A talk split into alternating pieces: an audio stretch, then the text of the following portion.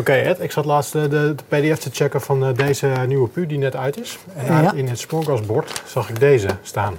Ja, mooi hè? Oude doos. Daarin staat, voor mensen die het nog niet hebben gelezen.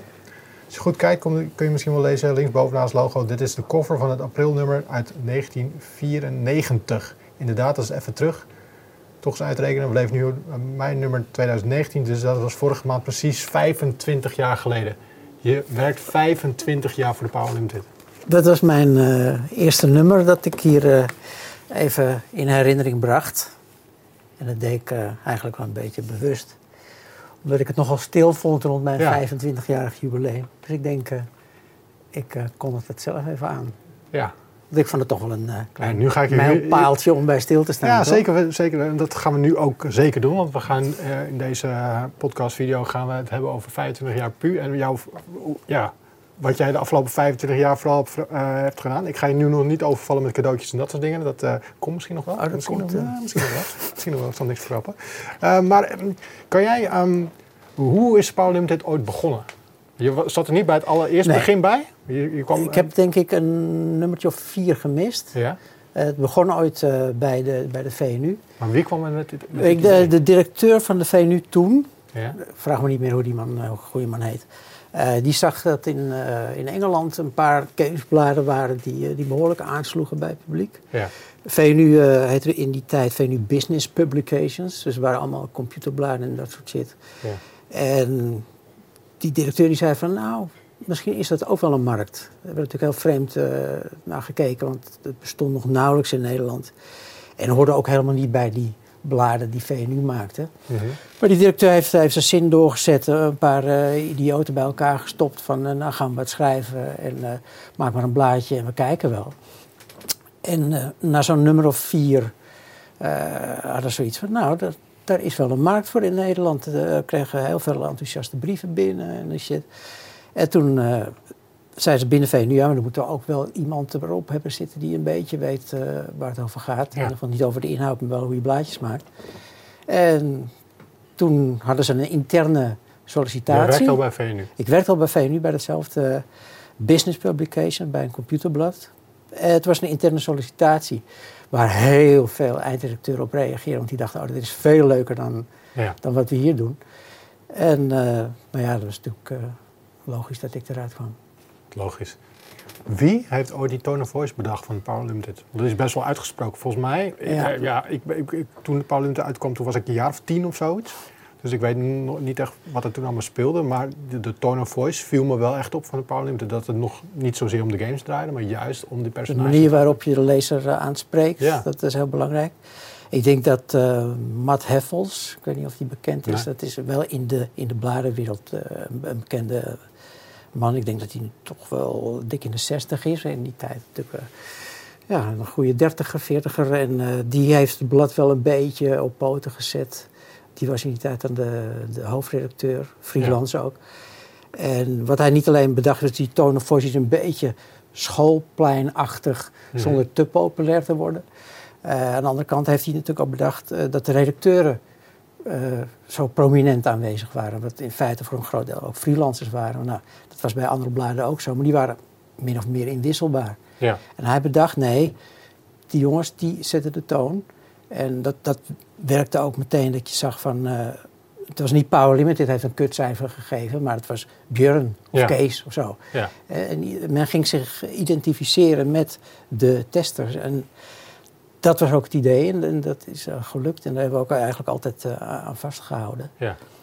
En daardoor komen we ook niet zo uh, snel van, van redacteuren of freelancers af die, ja, is af en toe. die zich niet aan deadlines houden. Nou, bij andere bladen zou je dat, kan je twee keer doen, kan je drie keer doen en dan is het Ja. klaar.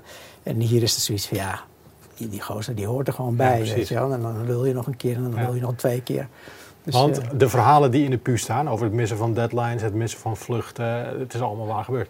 ja, dat is, eh, er is weinig aan gelogen. Want als we even terugkijken naar eh, de, de, jongens van het eerste uur, je noemt al Björn. En we hadden Kees Koning natuurlijk.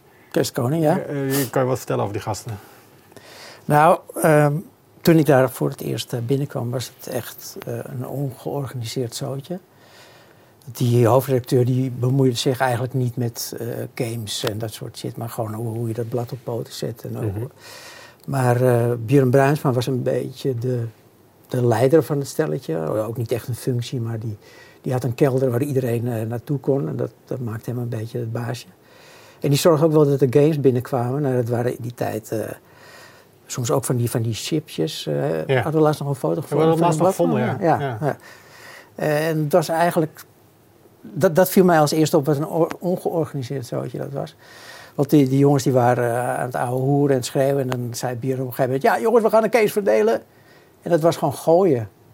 En wie hem ving, die mocht de review doen. Maar wie heeft, wie heeft die, die band ongeregeld bij elkaar gebracht dan? Ja, Mart Heffels. Diezelfde, die, die kenden wat jongens uit de, skate scene of dat ja. soort dingen. Die, die af en toe wat schreven. Meestal hadden ook niet echt uh, verstand van games. Maar ja, dat had de lezer in die tijd ook niet veel. Nee. Dus aldoende werden ze een beetje de specialisten. Maar uh, dat moesten ze zelf eigenlijk ook nog leren wat een goede game was en wat niet. Ja, en natuurlijk uh, games toen, die werkten op chipjes en Als floppies en dat soort dingen. Het is natuurlijk een hele andere tijd. Zo, sowieso screenshots. Ja, dat was, was, echt een, een gedoe joh, in het begin. af en toe, nou ja, hoe we screenshot maakten, David uh, Lemerijs, ik weet niet of die nog bekend is, mm. is ook nog wel eens op tv te zien, geloof ik. Ja. Dat was een beetje een, uh, een computerwiskit. En die had bedacht dat als je die game speelde, dat je hem kon linken aan een Macintosh. Ja. En dan zag je dat beeld op de Macintosh, waar je dus met je SNES of wat het was op speelde. En had je een voetpedaaltje bij. En op het moment dat jij zag van hé, hey, dit is een interessant. Uh, en dan drukte je op dat voetpedaaltje en dan stond het beeld vast. En dan kon hij dat via die Mac kon hij dat dan weer als screenshotje gebruiken. Ja. Uh, ja, dan had je screenshot, artwork, dat, dat was er gewoon helemaal niet in die tijd. Dat werd ook niet meegestuurd met een game of zo. Dus dan gingen wij gewoon uh, uit Engelse bladen de advertenties scheuren. En die stuurden we naar onze vormgever en die ging dat weer inscannen en die shit. En zo hadden we de eerste plaatjes en de eerste, eerste screenshots. Maar ja, dat gaat nu natuurlijk wel heel anders. Iets gaat, professioneler. Uh, maar... iets professioneler, ja. ja. Dat, ja, dat is sowieso uh, enorm geprofessionaliseerd. In het begin tijd gaven bijvoorbeeld ook nog cijfers aan previews. Ja, dat, dat zou je ook kan niet meer kunnen nee. maken. Nu worden we gelinst als we dat doen. Ja. ja. En wat we in het begin wel, wel last van hadden, was die cijfers die we gaven. En die waren niet altijd de, de hoge cijfers die ja. uitgevers graag zagen. En dan gingen zij dus dreigen dat ze advertenties terug gingen trekken. Ik kan me nog een keer herinneren. Wat gebeurd? Kan je dat herinneren? Nou, dat, uh, een gesprek. Ik zat met Matt Heffels samen in hetzelfde redactiekantoortje. En toen uh, kwam de uitgever van Quake. Ja. die belde, want ze hadden een 8,8 gekregen. En ze wilden een 9 of hoger. Dus geloof ik nog steeds wel een cijfer. Als het hoger ja. naar de 9 is, dan kan je er wat mee of zo. Dus die uh, zei van ja, die 8,8, dat uh, vind ik toch wel heel vervelend. Ja, zei Matt Heffels, dan, uh, daar kan ik niks aan doen. Dat is, hij heeft ook die, die toon gezet, hè? cijfers veranderen we niet. Mm -hmm. Wat er ook gebeurt, dit is de review, dit is de redacteur, die vindt dat en dan is het zo. Dus, maar het was net de beginperiode, dat, dat we ook nog iets hadden van ja, gaan we wel door hiermee en zo. En Matt Heffels die zei nee, 88, prachtig cijfer, moet je mee doen. Nou, zei die gast van Kweek. Ik heb de komende drie maanden heb ik, uh, vijf advertenties bij jullie staan. Die uh, ga ik dan terugtrekken. En toen zei met Heifels, ik weet het goed gemaakt. Jij mag nooit meer in puur adverteren. Nou, ik zat een beetje van, oh man, wat doe je nou? Misschien het einde van het blaadje. Ja. Maar achteraf is dat een hele goede set geweest. Want iedereen wist gewoon van, ja, met, wat je ook van puur denkt, uh, met die cijfers, daar valt niet mee te dealen. Ja.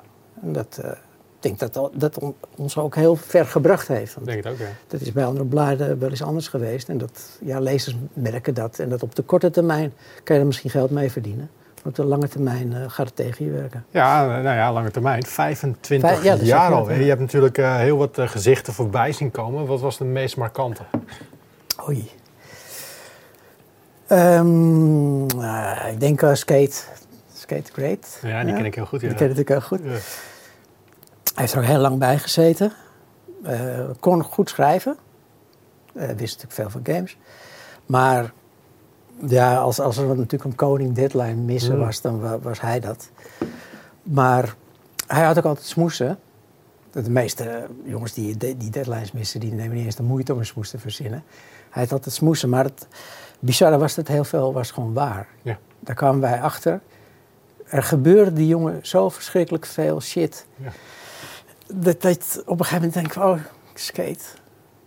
Eh, Je kreeg medelijden gewoon met Ja, hem. maar echt. Ja, ik woonde een tijdje bij hem in de straat ook. In de Spaardamme buurt woonden we allebei. Ik weet niet of hij daar nog steeds woont. En ik deed natuurlijk in die tijd deed ik Game Kings. Ik eh, regisseerde dat. En hij was makkelijk drie uur te laat gewoon. ja.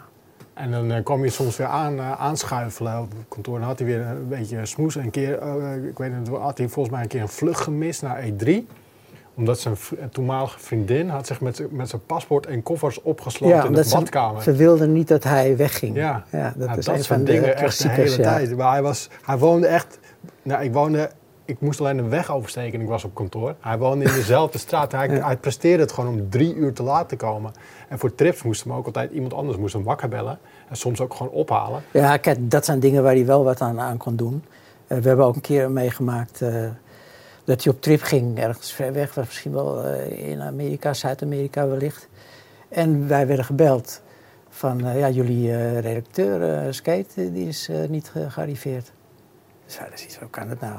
Want dan, meestal hoor je wel van, hé, hey, ik heb een vlug gemist of er is wat aan de hand. Ja. We hoorden niks. Complete stilte. Dus wij werden op een gegeven moment wel een beetje ongerust. En het ging zelfs zo ver dat onze hoofdredacteur, toen Edwin Ammerlaan, die is naar zijn huis gegaan. En hij heeft daar een deur geforceerd om te kijken of, hij niet, ja, of er niet iets met hem gebeurd Ja. was. Maar hij bleek dus een dag later wel gewoon aan te komen. Hij had een vlucht niet gemist, maar was de verkeerde kant op gevlogen, bij wijze van spreken, zoiets. Had ook niet even gemeld van ik hoor dat er wat commotie is. Dus wij waren echt volledig in, eh, in de stress. Nou, kwam je dus een dagje later aan bij, eh, Ja. in, in Zuid-Amerika. Ja, dat soort dingen. Met eh, een arm vastgezeten in een wasmachine en dan kon hij niet typen en dat soort. Ja, je, je verzint het niet en meestal was het gewoon waar. Ja. Ja. Dus dat was wel eh, misschien wel een van de, de markantste, denk ik. Maar hij heeft de hele tijd gezeten. Hij heeft ook een hele tijd nog, eh, nog correcties gedaan voor ons. Zelfs toen hij al weg was. Want een heel goed taalgevoel. Hij heeft zelfs ook nog in vaste dienst gewerkt. Bij, bij PU, dat weten de meeste mensen niet eens. Hij heeft in, in Amsterdam, toen we daar nog zaten. Bij VNU heeft hij een, eh, ik denk drie kwart jaar in vaste dienst. Want dat wilde hij toch wel heel graag. Ja. Na een paar maanden was hij erachter dat, dat Niks er helemaal niks was om vaste tijden te komen. Nou ja, op een gegeven moment kwam hij natuurlijk ook niet meer op vaste tijden. Het begon niet om een uur of elf, half twaalf. Ja, toen zei de hoofdredacteur eh, van, nou, je moet meer gaan lekker fr- freelancen. Want eh, zo werkt Er wordt het helemaal niet. niks. Nee. Nee. Maar hij heeft dus echt vast op de redactie bij, Ja. bij Pu gezeten een tijdje. Ja, over hoofdredacteur gesproken. Je hebt natuurlijk ook een aantal zien komen en gaan. Ja, ik heb ze niet geteld. eh Wat zijn er ondertussen? er zijn een stuk, een stuk of zeven, denk ik. Ja. Ja. Zoiets. Wil je ze allemaal horen? Of, eh? Nou ja, gaan, laten we eens maar even Laten we beginnen met eh, Matt Heffels, de, de hoofdredacteur. Freelance was hij toen. Toen kwam Edwin Ammerlaan. Toen kwam Mark Friedrichs. Toen kwam Niels Rodenburg. Ja. Maarten Blonk. Ja. Jan Meijroos. En daarna ging het toen. Toen Ja. ging jij toen, eh, Ja. met zeven man. Ja. Ik heb het zelf in de tussentijd ook nog een tijdje gedaan. tussen twee eh, hoofdredacteuren in. Toen, toen konden ze niemand vinden. Ja. En toen zei ik, of toen vroeg ze aan mij, wil jij het dan een jaartje of drie kwart jaar doen?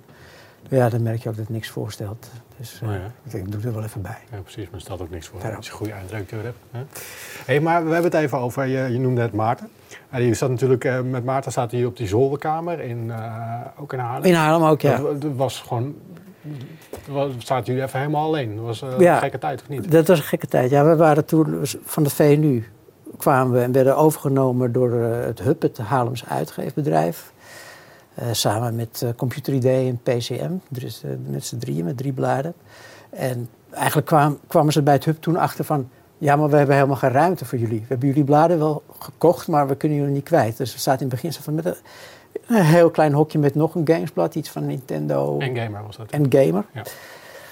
En ja, toen kwamen ze ook achter van dit is niet werkbaar. Toen hebben ze voor ons een, een andere ruimte gevonden.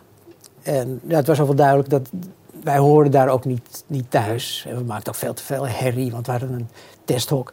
Dat staat dan midden op de redactie waar eh, PCM en Computer ID zaten. Ja. En die zaten te klagen dat we te veel herrie maakten en dat ze niet konden werken. Dus moeven met die hap. En toen zijn we naar eh, ergens bij het Spanen gegaan in een oude school. Zaten we op zolder. En ja, ik denk wel de leukste tijd geweest. eh, omdat niemand was daar verder geen directie die keek of Ja. wat dan ook, die zich ermee bemoeide. En ze zagen gewoon, dat die blaadjes kwamen af. Er werd hard gewerkt, want ja, dat moet je de puurjongens wel altijd nageven. Dat, eh, het komt wel altijd af. hoe Is het wel eens voorgekomen dat hij te laat was? Nee, Nog nooit. nog nooit. Nee. Dat, Ja, eh, er zijn wel momenten geweest ja, ik doe het nou ook een tijdje. Het is af en toe... dat ik kilo's zwetend in mijn bed lag en dacht van nou, maar deze keer gaan we het echt niet redden. Ja. Maar en elke keer. Ja, je moet er dus niet van uitgaan van het komt goed. Want kijk, na 25 jaar weet je wel eigenlijk, ja, het komt eigenlijk altijd wel goed. Ja. Maar als- je dan gaat denken, ah, het gaat vanzelf. Nee, je moet wel als een idioot erachteraan blijven en gekke dingen bedenken. En, maar uiteindelijk, ja, tot nu toe, laat ik het even... Is het eh, altijd eh, nog op tijd eh, bij, de, bij de drukker geweest. Ja. Ja. Ja, ik doe dit werk nu 15 jaar, denk ik. Nee, ik heb natuurlijk eerst bij, eh bij GameKings gewerkt. En eh, toen ik begon, waren nog wel een beetje de, de, de gouden tijden aan de gang. Met persstrips die een week duurden, Ja, dat je in Las ja. Vegas zat. En eh, was jij een beetje veel onderweg geweest voor, de, voor het blad? Nou, in het begin ben ik de racegames gaan doen.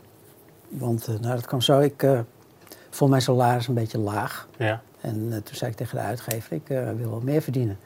Hij zei, ja, daar heb ik eigenlijk geen budget voor. Dat kan eigenlijk alleen als je zelf productie gaat maken. Dus als je zelf stukjes gaat schrijven. Ik zeg, nou, dat wil ik wel eh, proberen. En ik bedacht, wa- waar zal ik me in specialiseren? En toen dacht ik, nou, race games, dat is wel vrij overzichtelijk. In die tijd was dat, waren die games ook veel kleiner. Als je eh, een uurtje reed, dan had je een beetje alle circuits wel gezien en Mhm. alle auto's wel gehad. Dus ik dacht, laat ik dat eh, gaan doen. Ik kwam zelf van een autoblad af nog in het ver verleden daarvoor. Dus ik wist wel iets eh, van auto's. En toen ben ik eh racegames gaan, eh, gaan recenseren. En vanuit daar heb ik inderdaad aardig wat tripjes nog, nog gemaakt. Een paar hele mooie. Onder andere naar Dubai ben ik geweest. En ook kamelen daar gereden en met, met jeeps door de woestijn ge- gerost. voor een game die nooit is uitgekomen volgens mij. Dat zou maar kunnen, ja. Volgens mij van Konami iets, maar dat, eh, ik, weet, ik weet niet eens meer hoe die... En Tushia Racing dacht ik dat het was of zo, maar goed. En ja, eh, Finland ben ik nog geweest. Heb ik met de Ari Vatanen in de, in De de rallyauto gereden. Want ik ben, ik ben een enorme scheiterd. ja. Nou ja, enorme scheid. Volgens mij ben je ook bang voor vliegen, of niet? Nou, dat... In die tijd eh, ging er nog een stevige borrel in. Ja. Omdat, eh, ik kan me nou ook nog herinneren. eh, toen ik kan me dat niet meer Nee, jij kan je niet meer herinneren. Maar wij kwamen een keer aan op E3. We stonden in de rij voor de douane. En ik zat nog bij die andere jongens. Oh, met die banaan? Met die banaan, ja. Weet je, weet je dat nog?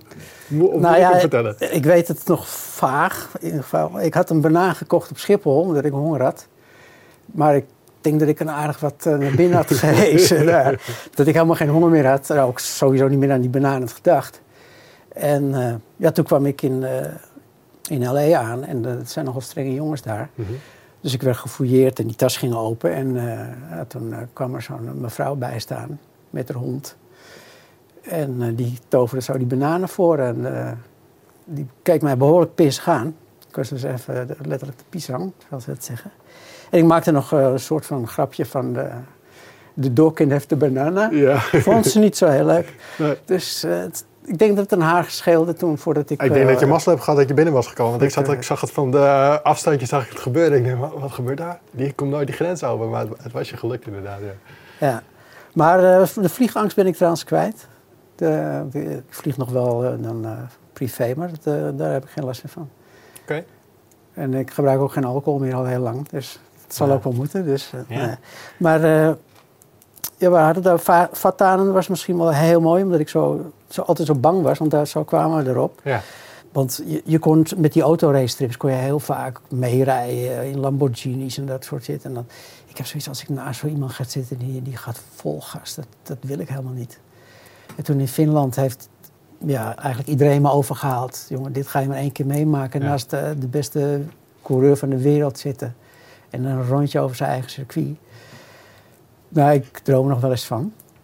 Zwetend, maar het is wel eh, iets waarvan je zegt, ja, dat, maak je inderdaad nooit meer mee. Nee, dat doe je Dat ook is nooit zo meer. bijzonder. En dat soort gekke trip doen ze nou ook bijna niet meer. Nee, dat is op wel jammer, voor de jongens, ja. Ja, nee, het is altijd eh, sowieso leuk voor ons, maar ook hele goede ja, content voor in het, eh voor het blog Ja, natuurlijk. natuurlijk met al die foto's eh, erbij. En daar kon Ja. ik dan weer een leuk bijschriftje bij doen en zo. Ja, dan laten we het daar even over hebben, over de bijschriftjes. Want ik, ja, ik check altijd even, voordat ik naar de drukker ga, ga ik altijd even, die, even de pdf's door. En dan eh, lees ik natuurlijk ook zelf met heel veel plezier jouw bijschriften. En ik, ik, eh, ik zoek even die van de Dutch Comic Con op van de afgelopen eh, maand. Als ik hem even snel kan vinden. Kijk, daar is Ah, ja. die. Bijvoorbeeld deze. Ik had hem ook even doorgestuurd naar Arie. Oh, Hij- was, hij- ja, hij vindt het fantastisch. Hij kan het heel erg waarderen. Maar jou, jou, als iemand vraagt of praat over de Paralympic, komen, komen vaak van, oh ja, ik, ik ken skate nog wel en Ed is die nog. En de bijschriften, die komen altijd voorbij. Ja, dat schijnt Kan, je, eh, kan jij het proces uitleggen van een, of vertellen van een bijschrift? Hoe ontstaat zo'n bijschrift? Ja, het is, het is sowieso een beetje uit, uit de nood geboren. Want eh, wat ik zei, hoe we die screenshots maakten vroeger met dat flappendaal. Mhm. Eh, op een gegeven moment ging, ver- verhuisden wij naar Haarlem. En onze freelancers, Kees, uh, Björn en al die jongens, die zaten allemaal in Amsterdam. En die hadden zoiets van, ja, wij gaan niet voor drie plaatjes te maken helemaal naar Haarlem toe. Ja. En dat was net dezelfde tijd dat we wat meer beeld aangeleverd kregen van, eh, van de uitgevers. Dus toen hadden wij zoiets van, ja, dan doen we het zonder ze. Maar dan moeten er wel bijschriften bij. En toen bedacht ik, ja, dan kan je eigenlijk eh, drie dingen doen. Je kan in een bijschrift wat extra informatie geven. Maar ja, die had ik dus niet. Want ik kende die game natuurlijk niet. Ik had alleen maar de tekst van die Mhm. game. Of je kan een stukje uit de tekst eronder zetten. En dan vond ik een beetje een zwaktebod. En het derde was, dacht ik, nou, misschien dat ik er een grapje bij kan maken. Ja, en dat heb ik geweten. Want daar ben ik nooit meer van, eh, Nee. van losgekomen. Hoe krijgen ze er in godsnaam uit? Want ja, elk, elk magazine heeft een, eh, tegenwoordig hebben we nog eh, 76 pagina's. Eh, er staan, ja, zoals hier staan al bijna 10 afbeeldingen op met 10 bijschriften. Ja, Die wapper je allemaal zo even Ja, uit? bij, bij elke review en preview staat er drie of vier dan. Ja. En het is elke maand weer dat, dat ik denk van, gaat het lukken? En bij die eerste game van de maand heb ik weer van, komt het, komt het, komt het? En Mhm. ja, het komt nog steeds. En dan zie ik iets geks. Of ik verbeeld me van, oh, die- ik zie twee mensen met elkaar praten. Oh, die, die gaan iets raars tegen elkaar zeggen. En dan ja, kom ik op mijn eigen huwelijk soms terug. Eh, dan zie ik dingetjes gebeuren, Ja. weet je wel, van, eh, of met mijn kinderen. Of eh, wat ik op tv heb gezien. Of soms uit, de- gewoon uit de politiek iets. Ja. Ja, ik, weet niet, al- ik denk als je Ja. eh, Joep van het Hek of zo vraagt... hoe maak jij je grappen, dat hij het ook moeilijk onder woorden kan brengen. Maar het is een soort denkproces dat automatisch start als ik een, eh, als ik een plaatje zie. Ja. En nu heb je het over de, over de Gamescom. Dat zijn de makkelijkste. Want dat zijn echte mensen. Eh, die hebben een uitdrukking op hun gezicht. En dan, dan weet je eigenlijk al een beetje wat ze doen. Of je kan je heel goed voorstellen wat ze niet willen dat ze doen. ja. En dat is natuurlijk wat anders dan met twee... eh, Videogame eh, personages. Ja, of, of zelfs twee auto's die door de bocht gaan. Ja. Daar staat ook altijd een bijschrift bij. En dat, dat zijn de moeilijkste. Ja. Zeker na 25 jaar. Want je hebt, je hebt ze bijna allemaal wel eh, een keer gehad. Hè? Iemand die met een vlammenwerper staat en de ander zegt vuurtje. Dat, dat kan je één keer doen en dan ben je hem kwijt voor altijd. Het is me wel eens gebeurd dat ik een bijschrift maakte en dan kwam er dan een boze mail van ja, in keer gezien. PU, PU 13 van zeven jaar geleden had je, had je dezelfde. Ja. Ja. Ja, over, de, over de mails gesproken. eh, ja, vooral in eh, de beginjaren van de Paralympics was natuurlijk een hele populaire eh, rubriek, de Joop Post. Die is nou nog steeds. Of de brief, hoe heet die Even- rubriek? Eh Joop Post heette die al vanaf het begin. Met, ja. eh, met natuurlijk eh, Mortal Marcel. Ja, dat is een mooi. eh dan komt ook die Matt Heffels weer terug. Want eh, in het begin. eh, hij zei: er hoort een eh, brievenrubriek bij. Hè? Dat hoort Mhm. bij tijdschriften. Heel veel tijdschriften hebben dat nog steeds. Hij zei: wij moeten een brievenrubriek. En dat, dat begon al heel snel te lopen. En dat was allemaal positief. Ah, tof dat er zo'n blad in Nederland is. En toen kreeg ik een brief van, van meneer Mortel Marcel binnen. En die kraakte echt puur aan alle kanten af. Dus ja, is iets van rot toch op, zeikert, weet je wel, wees blij. En, maar toen zei Matt Heffels, nee, die gaan we groot plaatsen. Want dat gaat reuring opleveren. En nou, dat had hij dus perfect gezien. Want daar werd weer op gereageerd. En Mortel Marcel ging er weer overheen. En dan kwamen er weer 15 brieven daarop. En ja, zo is die rubriek eh, zo erg gaan leven... dat ze bij, eh, bij de postkamer, die er toen nog was bij, bij VNU... Ja, die mensen werden gek van ons. En we hadden natuurlijk ook nog zoveel brieven. En we ook nog de rubriek Eeuwige Leven. Ja. Met al die tips en Ja. trucs. En die kon je dus ook insturen. Dus er kwamen echt postzakken vol kwamen op de redactie binnen op zo'n dinsdagochtend. En die, ja, die gasten van die postkamer, die normaal natuurlijk een beetje zo eh zouden te Mhm. werken. Ja, die hadden zoiets van, godverdomme, die klootzakken van de pu, die moeten we echt in de bak. Maar eh, postzakken vol, dat was echt bizar. En dat, eh, ik denk dat het heel slim was wat, wat eh, Matt had gedaan Ja. met Morsel Marstel. Gewoon van even die, dat tegengas en dan komt de rest eh, vanzelf op gang. Ja. Ja, je doet dit nu al 25 jaar. Hoe heb je dat in godsnaam volgehouden? Nou Ja, ik had een hele volle haardos toen Ja. ik begon. Dus je weet eh, waar het allemaal gebleven is aan de haren die ik uit mijn hoofd heb getrokken en dat soort shit. Maar het is gewoon een ontzettend, ontzettend leuk baantje. En ik doe nu computeridee erbij. En er was eigenlijk een beetje sprake van dat ik computeridee alleen zou gaan doen. Dat wilden ze misschien wel. Maar ik zei van nee, zolang uh, puur bestaat, ben ik erbij. Want het is gewoon veel te leuk om te doen. En ik vind computeridee, wat ik nu doe, een heel erg leuk plaatje. Maar ik vind het nog steeds leuker om puur te doen. En als er weer nieuwe verhalen binnenkomen. En ik moet kiezen van, zal ik een verhaaltje van... Nee, dan neem ik toch een verhaaltje voor puur, want dat vind ik, eh, vind ik leuker. En samen met Ilko gaat het ook fantastisch. Ja. Dat is echt een mooie twee, eh, twee eenheid. Maar ja, je, je houdt het ook alleen maar 25 jaar vol eh, als- je er lol in hebt. Want in de tussentijd zijn me echt wel andere baantjes aangeboden. Ik had ook tien keer hoofdredacteur kunnen worden. Nou, daar moet ik echt niet aan denken. Maar heeft niet. Dus, Mak- makkelijkste ooit. nee, Eh, dus dit is echt niet, eh, geen makkelijke baan. Nee, daar moet je niet, eh, daar zou ik ook niet eh, lullig over doen. Maar wat, wat ik het leuke vind aan, aan de eindredactie is dat je van de eerste komma Ja. tot het naar de drukker gaat, eh, heb je alles eh, in, in je vingers. Alles gaat door, gaat door je heen. Je weet precies wat, er- wat er gebeurt. En als hoofdredacteur denk je in het begin van ik heb het hele blaadje onder mij. Maar je moet zoveel delegeren. Je moet zoveel andere dingen doen. En zoveel faciliteren. Dat, je raakt een beetje eh, dat pure gevoel met dat blaadje kwijt. Dat, Ja, soms wel. Soms wel. Ja. Nou, stel, je mag even één dagje hoofdredacteur zijn van Power Limited. Gewoon. Ik ben, er- ben even ziek of zo. Wat, wat, zou je, wat zou je nu veranderen of toevoegen? Of waarvan je denkt van, nou, misschien eh, kunnen we dat nog even gaan doen. Oh, nou. was misschien leuk geweest als je die vragen wat eerder aan me had gegeven. Daar had ik er nog eens over na kunnen had denken. helemaal vol met posters gezeten. Eh, nee, nee, het, eh, blaadje bevalt me. Kijk, eh, zo'n zo'n hardwarehoek dat zijn, eh, en VR, dat zijn niet de rubrieken die mij aanspreken. Maar Ja. het is wel goed dat dat erin staat. Maar die, eh, die lees ik liever niet, want daar heb ik mijn computeridee weer voor. Ja, precies. Maar eh, ja, ik, ik, zou, ik zou meer nog van, van dit fotogedoe willen hebben. Ja. En dat zit met het smorkersbord vind ik ook nog steeds de, de leukste pagina's. En ja, wat mij betreft, eh, zou dat. Als ik, als ik zeg maar een eigen blad zou mogen maken en ik zou er mijn eigen dingetje moeten doen, dan ga ik, zou ik heel egoïstisch iets bedenken. Dan zou ik eh, de tijd willen nemen om terug te bladeren en dan mijn eh, leukste bijschrift uit de laatste twintig jaar of zo doen. En dan 10 of 15 pagina's. Klinkt een beetje self-kicking. Ja, eh, een dubbelnummer komt eraan we hebben pagina's te vullen. Dus, maar dat, dat lijkt me nog eens leuk. Want we hadden vroeger namelijk hadden we de agenda nog. Ja. En dat was ook een beetje een soort compilatie. Stond daar altijd in van de leukste bijschriften die er dan dat jaar geweest waren. Dat, Mhm. dat is er nu dus niet meer. Eh, dat, ik, ja, dat is ook nog misschien wel aardig. hè, dat eh, die agenda ook een keertje nog eh, uit de markt is gehaald. ja, we hebben hem Vanwege een bijschrift. Nou, ik weet niet of we... ik geloof bij de Bruna dat daar een. Nou, we hebben hier, we hadden, vroeger hadden we deze schoolagenda's. En daar deed je ook eh bijschriften bij. Maar vertel, nou, de, is het niet deze?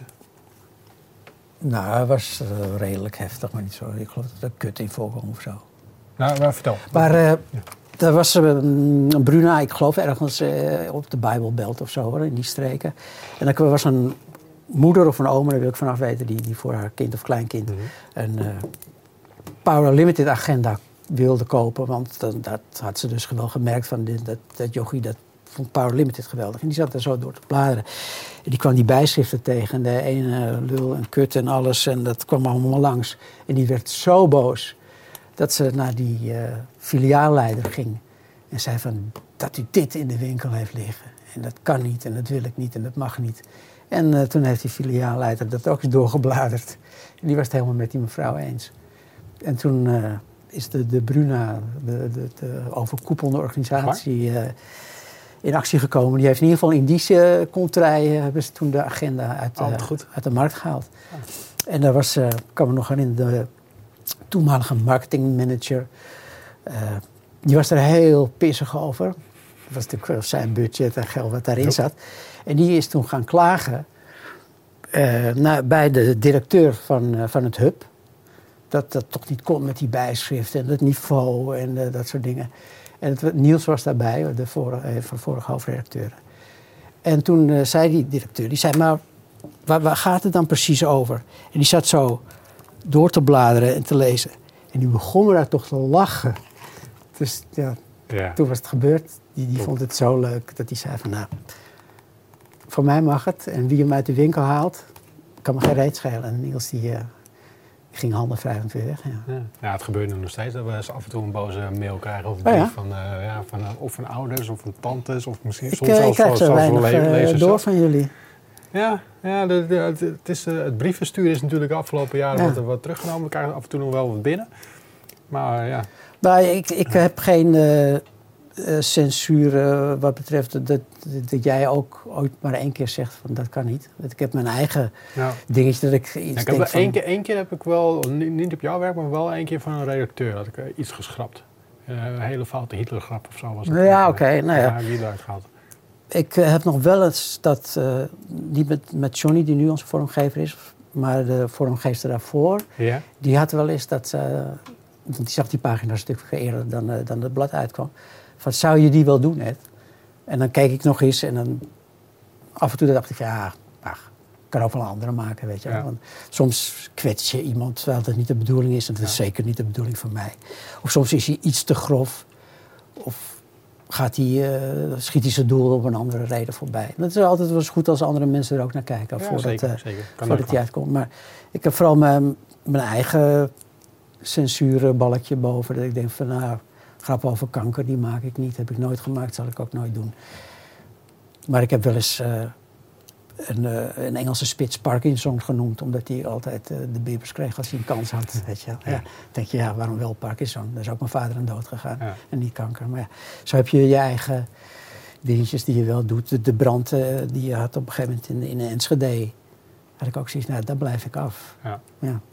Maar als misschien een andere ramp komt, dat ik daar wel een grap over maken. Ja. Ja. dat is altijd een beetje aanvoelen natuurlijk. Dat voel je aan en ja. misschien gaat het soms een keer uh, verkeerd, maar dat, dat, mag je altijd nog laten weten als je iets leest van tevoren. Van, uh, zou je dat wel doen, Ed? Ja, precies Dan, uh, dus blijf gewoon je brief insturen. Dat kan altijd gewoon naar redactie.pu.nl. Ed, ik wil je hartstikke bedanken voor het hier aanschuiven in deze speciale Pauw Praten 25 jaar Ed-editie. Ja. wil je nog iets kwijt aan onze lieve kijkers? nou ja, blijf het puur lezen. ik zou zeggen, blijf het puur lezen zolang ik erbij ben. Ja, dat sowieso. En dan uh, kan er 25 jaar, 25 jaar gaan we denk ik niet meer redden. Ik ga niet nog 25 jaar redden, denk ik. Nee, ik denk het ook niet. Dan zit ik echt bibberen als ik dan nog leef. Met, dan kom jij met het blaadje nog langs. We gaan een poging doen. Nee, want ik had het wel geschreven. Van nou, ik krijg misschien wel een feestje als, als ik 50 jaar bij PU zit. Maar dat was een beetje sarcastisch, ironisch. Ja, uh, toch wel? Of vat je het maar op. Maar... Ja. Goed, dankjewel. Graag gedaan.